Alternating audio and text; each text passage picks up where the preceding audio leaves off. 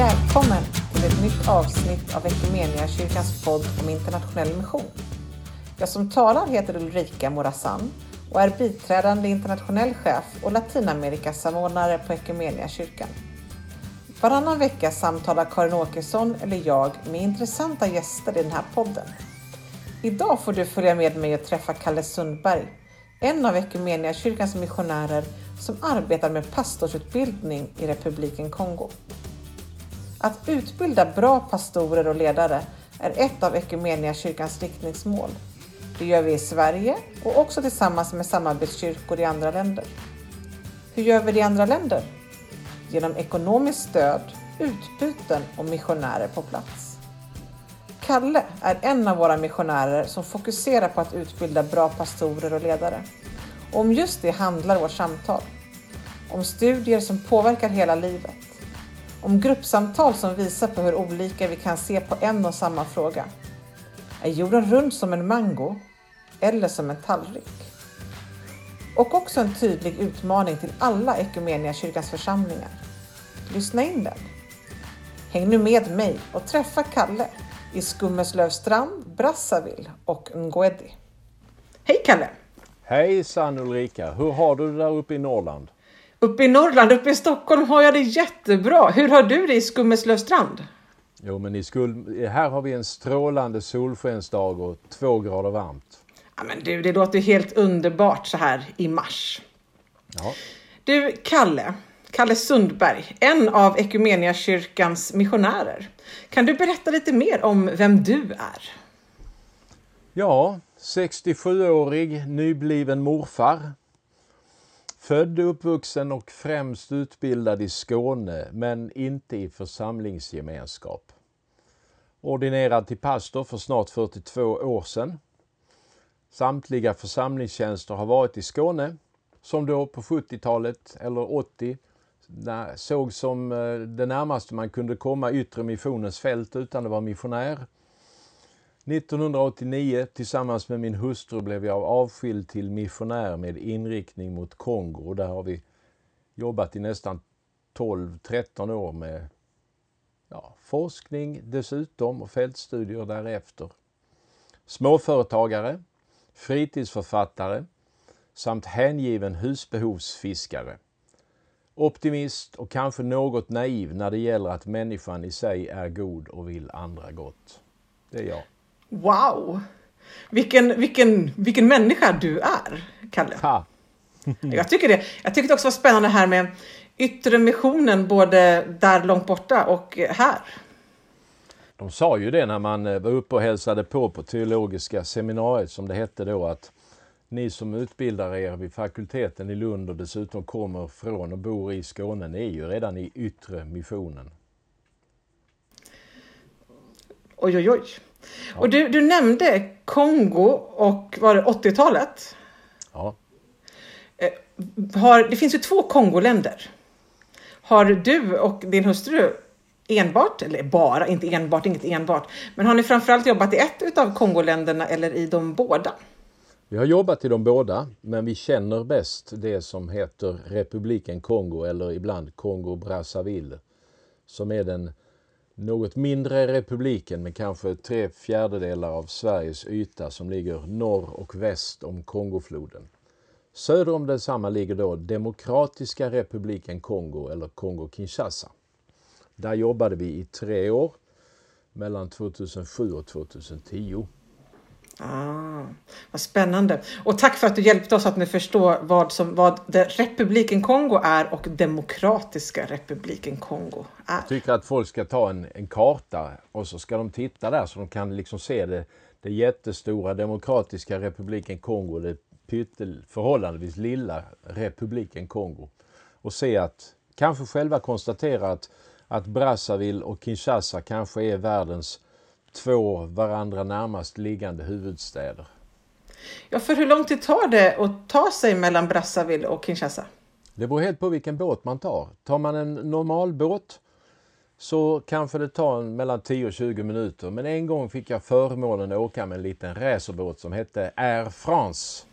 Det var ett bra namn. Om du tänker dig en liten sportbåt och en 150 hästars Johnson-motor och tre katolska nunnor och jag, det fanns tre flytvästar och jag höll i min ryggsäck och sa jag behöver ingen flytväst. Det tog fyra minuter. Jag har aldrig varit så rädd i hela mitt liv. Du har aldrig varit så rädd. Och fyra minuter mellan två huvudstäder. Imponerande. Ja.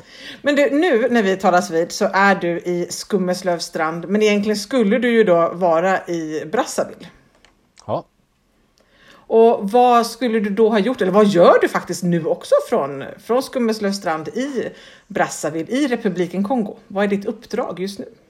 Ja, mitt uppdrag just nu är nog, eh, är nog svårformulerat, men främst är jag ju lektor i kontextuell teologi med, med inriktning mot afrikansk teologi och kanske befrielseteologi i centrala Afrika. Eh, jag har många samtal med mina studenter, framförallt några på mastersnivå. Eh, inte, inte kanske speciellt i ämnesområdet kontextuell teologi, men eftersom jag- min, en av mina grundtankar är att all teologi är kontextuell. All teologi formuleras, skrivs och tolkas i en speciell kontext.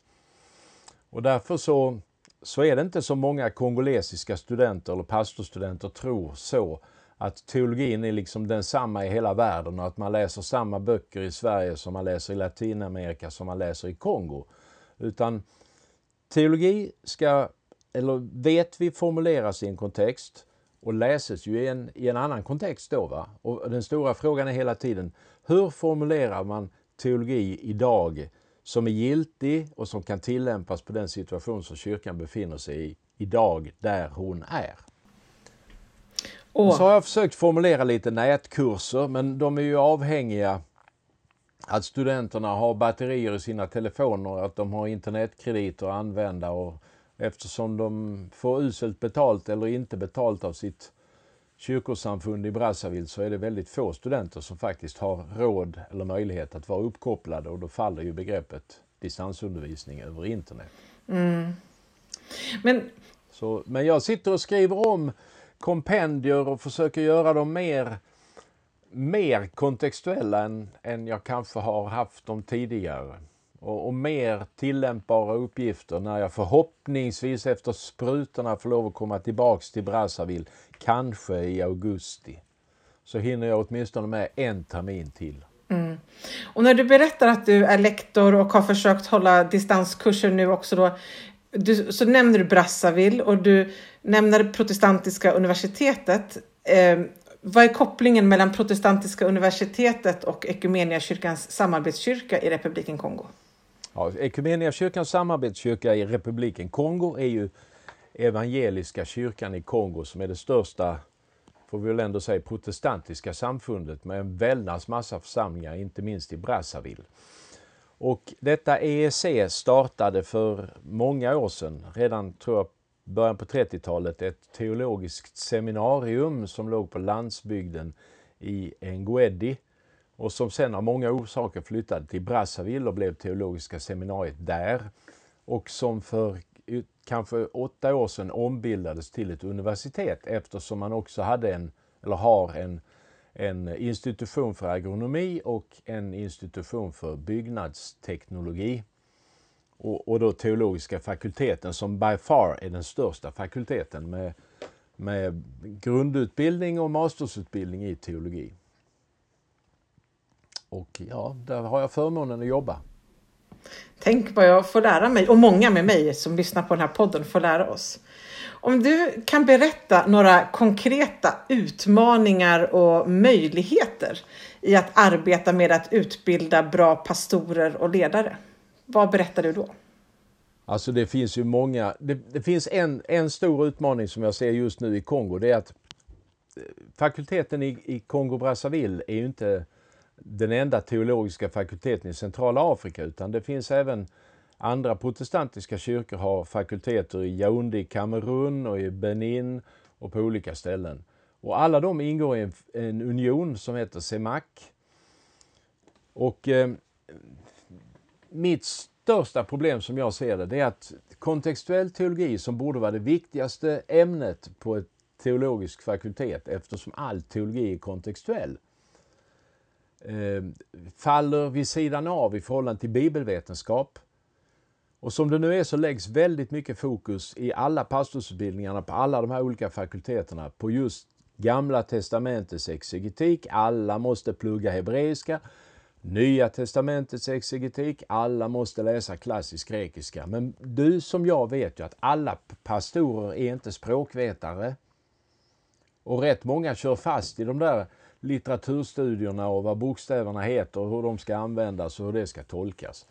Så när eh, Evangeliska kyrkan i Kongo formulerade ett uppdrag till teologiska fakulteten bara för några månader sedan. Att man ville försöka formulera eller reformera den teologiska utbildningen så hade jag redan ett förslag som jag drog för kanske ett år sedan i Brazzaville när vi var på plats. Som jag nu har eh, skrivit ner på papper och visat med exempel och så vidare och pratat med folk i Yaoundé i Kamerun och eh, även en kontakt i Benin för att se, skulle det vara möjligt att göra en pastorsutbildning som var mer anpassad till individens intressen än till kravet på att alla ska läsa hur många år som helst av bibelvetenskap. Och att man kanske kunde få fram pastorer som var inte bara jätteduktiga på, på biblisk teologi utan också på själavård eller på pedagogik eller på eh, dopundervisning eller you name it efter de olika studenternas intresse. Evangelisation mot ursprungsbefolkningar till exempel. Så att det är ju en, en, en, utmaning som vi har att hjälpa till att formulera om utbildningen, inte nödvändigtvis pedagogiken men utbildningarna. Och, och har den processen börjat så att det har, ett uppdrag har formulerats? Ungefär? Ja, kyrkostyrelsen har formulerat ett uppdrag till mm. fakulteten och eh, vi som lärare har blivit ombedda att komma in med inlagor och det har jag gjort inom utsatt tid. Och inte fått något svar på. Det tar ju tid där som här. Så att eh, det hoppas jag på. Mm. Du, innan vi går... det, är den, det, är ja. den, det är den ena uppgiften jag har. Den andra uppgiften som jag fick ganska snart eh, när vi kom till Brazzaville 2018 det var att bli ansvarig för engelskgudstjänsterna i platåförsamlingen i Brazzaville. Mm. Och det var väl någon som hade hört att jag under ett år i Kinshasa var eh, vikarierande pastor i en internationell protestantisk kyrka som, som var engelskspråkig. Så att det är en uppgift som jag har gått in i med glädje men där har jag fått lämpa över ansvaret till de som finns på plats. Ja, jag förstår. Om jag går tillbaka lite till eh, de som studerar eh, teologi, de som studerar till pastor på protestantiska universitetet i Brazzaville. Ungefär hur många är det som gör det? Det är tre stycken klasser i grundutbildningen. De kallas för licencié, det har ingenting med licentiatexamen att göra, men de är licens. Och de är ungefär 30 i varje klass.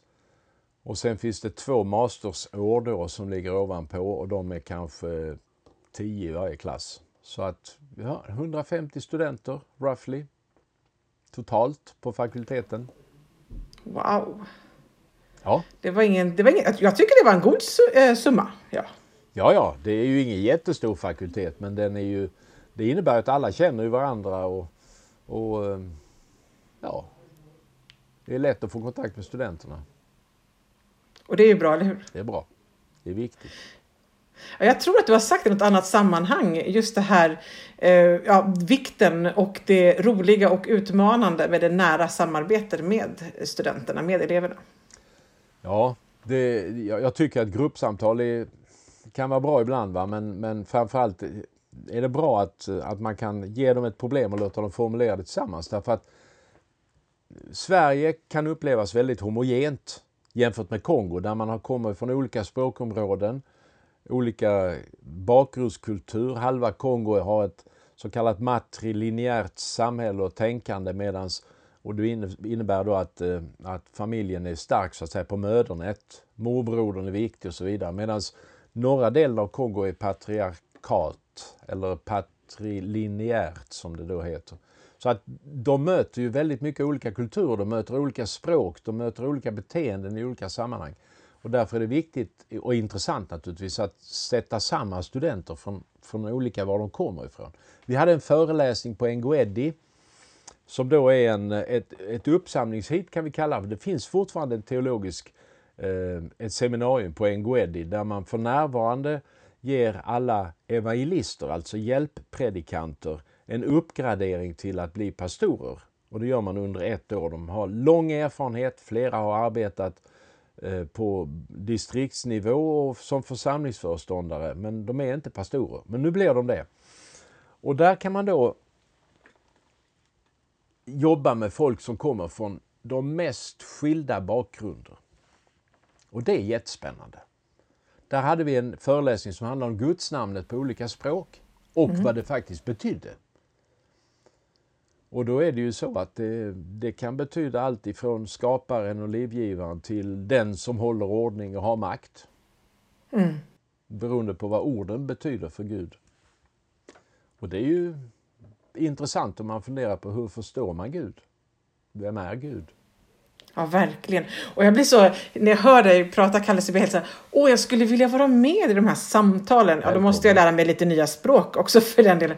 Och jag tänker också det är otroligt fascinerande att um, när du pratar om kontextuell teologi och att all, eh, all teologi är kontextuell.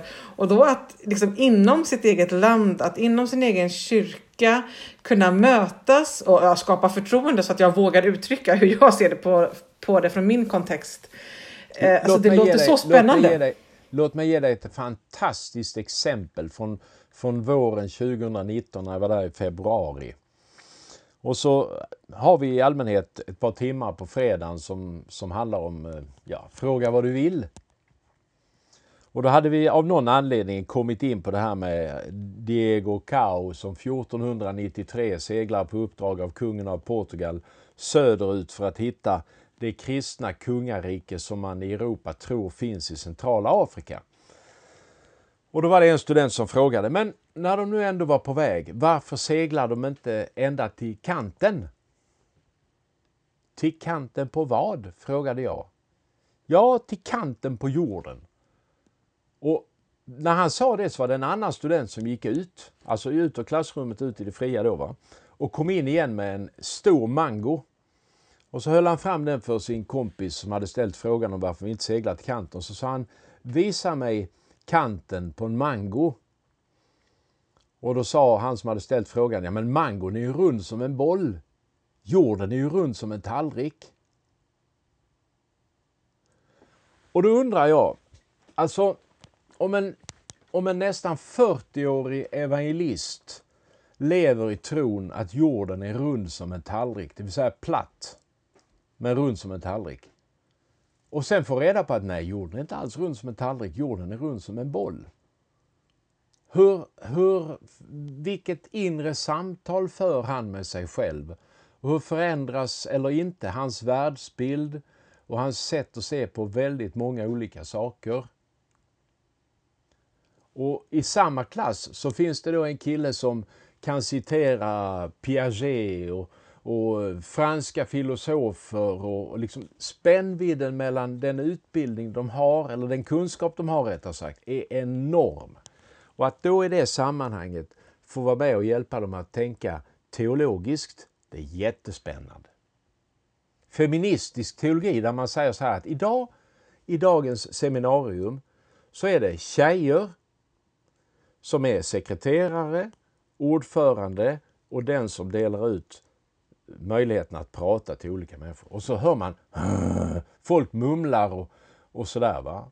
Och där gav, jag, där gav jag de manliga studenterna i uppdrag att skriva en sida till nästkommande dag om ett tillfälle när de medvetet eller i efterhand har förstått att de handlade omedvetet om då de eh, inte betraktat sin kvinnliga kollega som en jämlike. Medan tjejerna fick i uppgift att i grupp samtala om och skriva en rapport om tillfällen när de har upplevt eh, ojämlikt beteende hos sina manliga kollegor. Och sen så läste vi upp de här rapporterna anonymt. Tjejerna var inte så svårt för det var en grupp då. Va? Men, och det blev ett fantastiskt samtal om om ojämlikhet i församlingsarbetet mellan alltså, ansvariga. Alltså det låter så spännande, alltså ja. otroligt. Uh, och så tänker jag också så här att ja, nu gör du det här eller har gjort och kommer att göra igen då i Kongo. Och så tänker jag att få vara med och göra detta också här i Sverige. Jag säger inte att det inte sker, men att få vara med i sådana samtal där vi möts och ja. stöt, stöter och blöter. Helt enkelt. Men, men det finns en viss skillnad, vi kommer in på det senare också. Det finns ju viss skillnad mellan nu har jag främst i Sverige undervisat på, på fakulteten vid Lunds universitet som lektor då under, under fem år. Och mitt intryck av svenska studenter det är att när de börjar en kurs, i Lund i alla fall, när de börjar en kurs så vill de veta vad examensfrågorna är på tentan. Så att de kan svara på dem och få de fem eller tio poängen som de behöver på den kursen.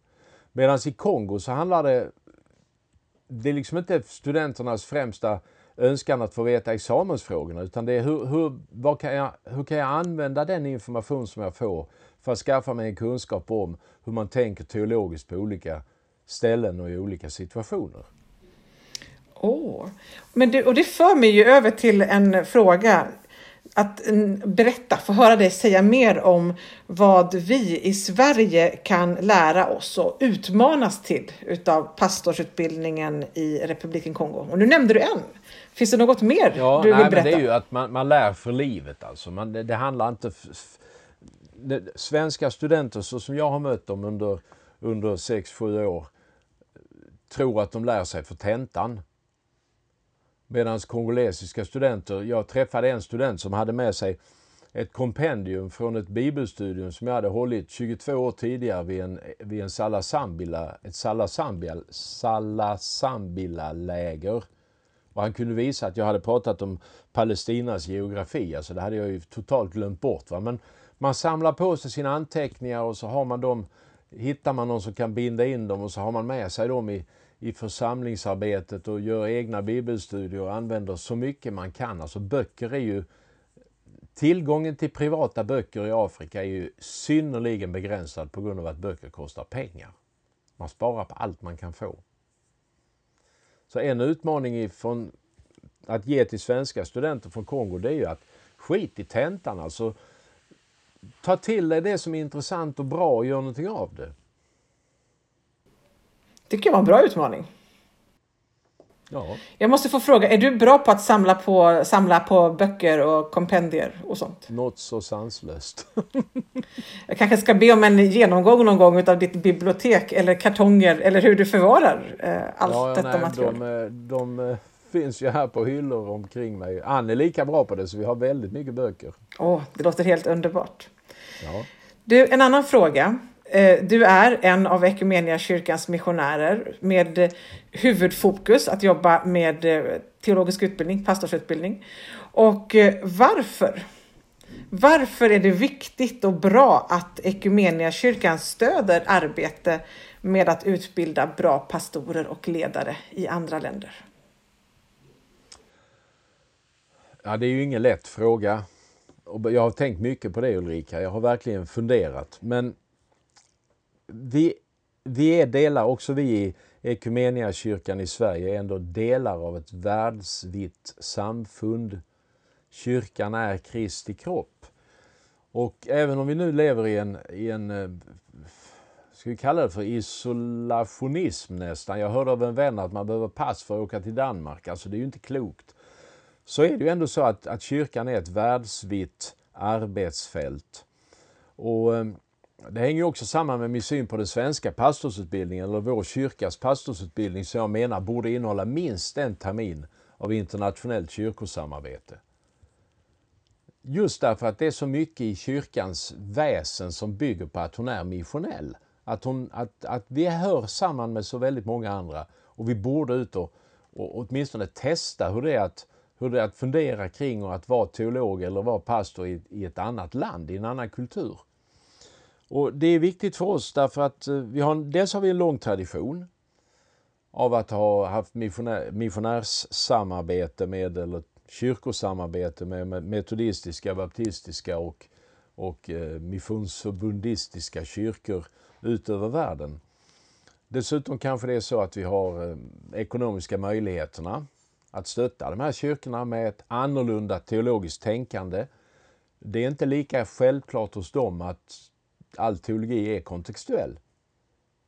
Utan man kör kanske fast i, eller kör i samma gamla hjulspår. Det, det räcker liksom inte.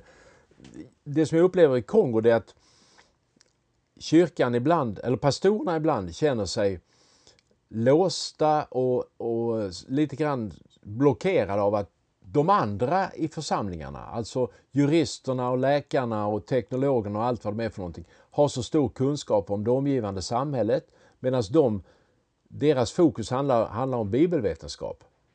Och jag menar att också Kongos pastorer måste börja tänka, ges inspiration att tänka i vidare banor än bara det bibliska. Det är därför jag vill ha en differentierad pastorsutbildning. Och där kan vi hjälpa till, därför att vi har de tankarna och de idéerna. Jag får god lust att säga och jag säger det nu. Amen. Eller amen menar jag på. Ja, amen. Man kan säga på många sätt. Ja, man kan säga som i Kongo. Amen. Amen. Okej, okay. nu har jag lärt mig ännu mer nytt idag, förutom allt det du redan har berättat för mig. Kalle, vi börjar närma oss vårt eh, slut idag i vårt samtal. Finns det någonting som du känner att du skulle vilja tillägga? Som det här ligger verkligen på mitt hjärta som jag måste verkligen vill få säga, så ska du få göra det innan vi kommer in på våra fem snabba frågor.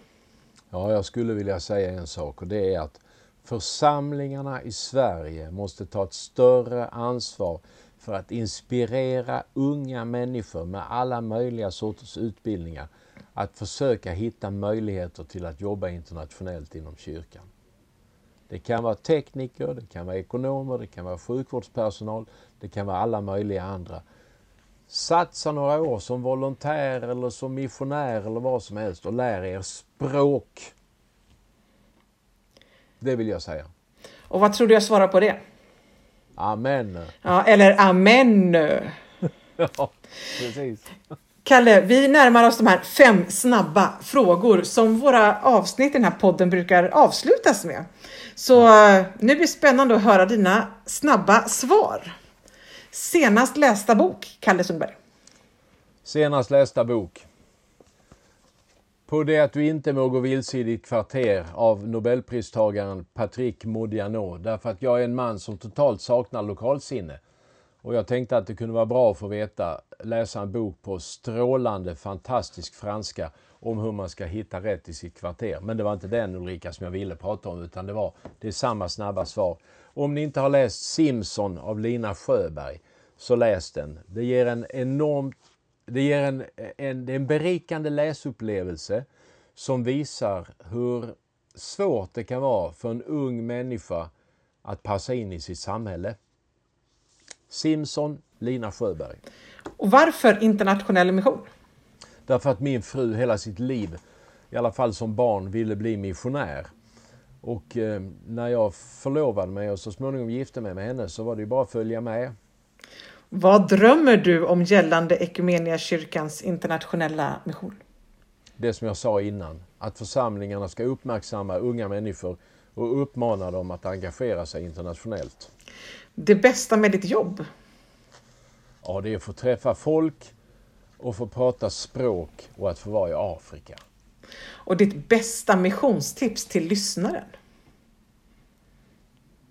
Ja, vad menar du med missionstips? Du får tolka det precis som du vill.